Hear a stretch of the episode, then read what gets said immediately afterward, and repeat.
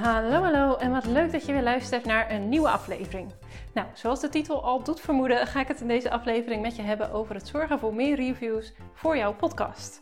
Ik ga het met je hebben over waarom je dat zou willen, uh, hoe je dat doet, dus hoe je doorgeeft aan mensen hoe zij dat kunnen doen, um, maar ook hoe je er dus voor zorgt dat je die reviews ook echt gaat krijgen. Nou, allereerst even het waarom. Want Apple Podcast geeft hierover zelf aan dat het geen invloed heeft op uh, je bereik en je zichtbaarheid. Dus aan de hand van je reviews laat Apple Podcast je niet meer of minder zien aan nieuwe mensen, dus nieuwe luisteraars. Dus waarom zou je het dan wel willen?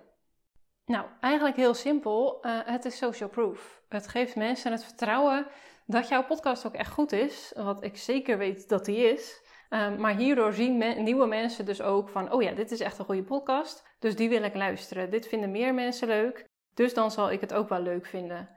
Want het zoeken naar een nieuwe podcast kan best wel een dingetje zijn. Je wil heel graag nieuwe podcasts ontdekken, maar een aflevering duurt al snel 30 minuten. En ja, eigenlijk wil je dan gewoon wel zeker weten dat het ook een goede podcast is. Dat is voor je nieuwe luisteraars dan, hè? Dus ja, daarom wil jij graag die reviews verzamelen, zodat mensen eerder het vertrouwen hebben en eerder naar jouw podcast gaan luisteren. Nou, en hoe doe je dat dan? Want ik weet dat er heel veel mensen zijn uh, die niet weten dat je reviews kan geven of kan ontvangen uh, voor je podcast. Dus als je om reviews vraagt, dan is dat ook altijd goed om er echt erbij te benoemen hoe ze dat dan kunnen doen. Dat zorgt ervoor dat mensen het gewoon veel eerder gaan doen, omdat ze dan niet zelf nog hoeven uit te zoeken hoe ze het moeten doen. Dus nou, ik zal het je hier even uitleggen hoe je dat dan doet. Er zijn eigenlijk twee populaire manieren en ik zou het daar ook bij houden als je erom vraagt in je podcast. En dat is via Spotify of via Apple Podcast. En nou, ik zal je even uitleggen hoe je dat dan precies doet. Via Spotify ga je gewoon naar de podcast zelf. En dan zie je daar vrijwel bovenaan zie je een ster staan. Nou, daar klik je op. Dan komt het staan show beoordelen. Dan klik je op het aantal sterren dat je wil geven en dan druk je daarna op verzenden. En nou ja, dan ben je klaar. En via Apple Podcast uh, kan je, ga je ook naar de show zelf en dan scroll je naar beneden en dan staat er schrijf een review. En bij Apple is het dus zo dat je echt een stukje tekst kan schrijven. Dus bij Spotify geef je alleen een aantal sterren. En bij Apple kan je ook een stukje tekst erbij typen. Nou, en mocht je dat op Spotify nou ook heel graag willen doen, uh, dat kan tegenwoordig bij de aflevering zelf. Dus dan ga je gewoon uh, naar de aflevering zelf, dan scroll je een beetje naar beneden en dan staat er QA. En die vraag is heel vaak, de standaardvraag is eigenlijk: uh, wat vind je van deze aflevering? Het kan zijn dat uh, de host zelf de vraag heeft veranderd naar een andere vraag. Maar meestal is de vraag: wat vind je van deze aflevering? Nou, en die kan je dus ook invullen. En als iemand dat nou doet bij jouw podcast, dus als iemand dat via Spotify doet bij een aflevering, dat zou ik wel even regelmatig checken. En dat doe je gewoon in uh, Spotify zelf, dus podcasters.spotify. Dan log je daarin en dan ga je naar interactie. En daar zie je, als het goed is, zie je dan een paars bolletje bij interactie.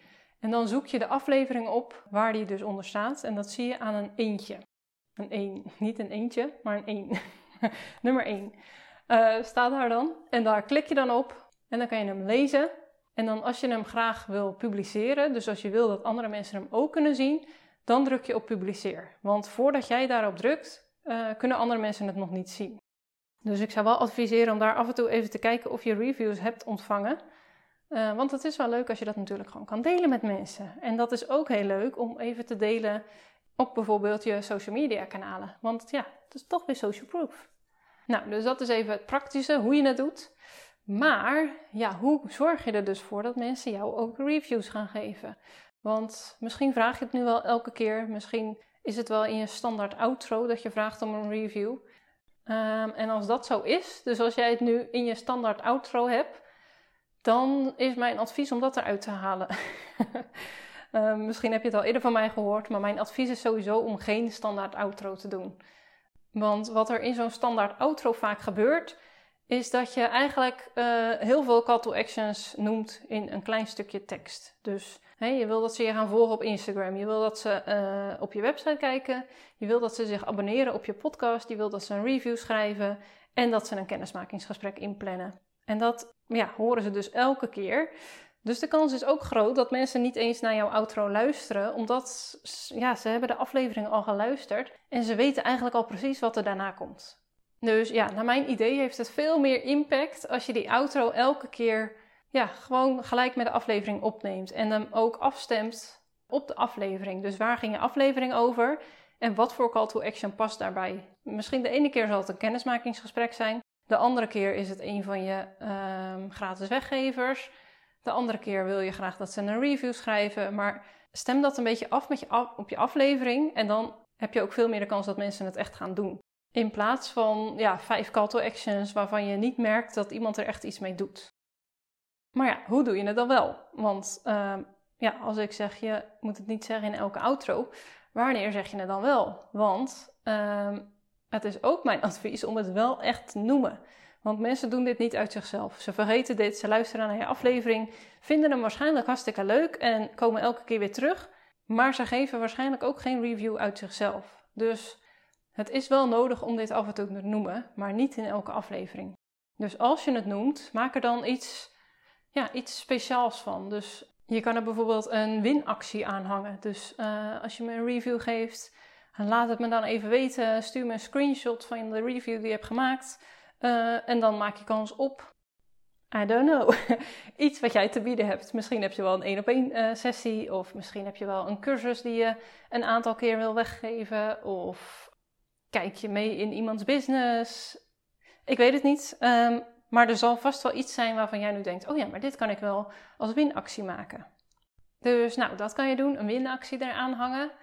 Een andere manier zou ook nog kunnen zijn, alleen hier moet je wel even opletten hoe je dat precies doet. Want wat ik heel vaak hoor is: uh, geef een review zodat ik meer luisteraars krijg. Of uh, geef een review zodat mensen deze podcast weten te vinden. Of geef een review zodat mijn podcast groeit. En ik bedoel, daar is niks aan gelogen, dat is helemaal waar. Maar het zegt me nog niet echt waarom zij dat nou zouden doen dan. Dus ja, misschien kan je even nadenken, what's in it for them? Wat hebben zij daaraan als zij jou die review geven? Misschien is het wel omdat je dan grotere gasten kan uitnodigen of ja, meer experts in je podcast kan halen. En daar hebben zij natuurlijk weer iets aan en dat kan een reden zijn waarom zij het wel willen doen. Dus nou, je kan vast iets bedenken wat heel goed past bij jouw podcast. Uh, waardoor mensen je die reviews gaan geven, want dat verdient jouw podcast.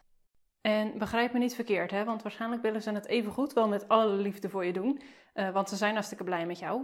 Maar ja, mensen zijn gewoon vrij lui. en dit kan net dat extra zetje zijn wat ze nodig hebben om het ook echt te gaan doen. Een andere hele effectieve manier om aan reviews te komen is om het persoonlijk aan mensen te vragen. Dus als je berichtjes krijgt van mensen uh, hoe blij ze zijn met jouw podcast en dat ze zoveel hebben gehad aan jouw podcast. Uh, of dat ze er mooie inzichten uit hebben gehaald. Nou, dan reageer je natuurlijk met: Oh, wat leuk, dankjewel, bla bla bla. En dan daarna, uh, nadat je even in gesprek bent, kan je om een review vragen. Want je weet dat ze hartstikke blij met je zijn. En de kans dat zij dat willen doen is heel erg groot. Dus je kan gewoon vragen: zou je misschien een review voor me willen schrijven? Of je vraagt eerst uh, via welke app heb je geluisterd? Nou, dan zegt hij via Spotify. Oh, fantastisch. Zou je misschien een review voor me willen achterlaten als je dat nog niet hebt gedaan?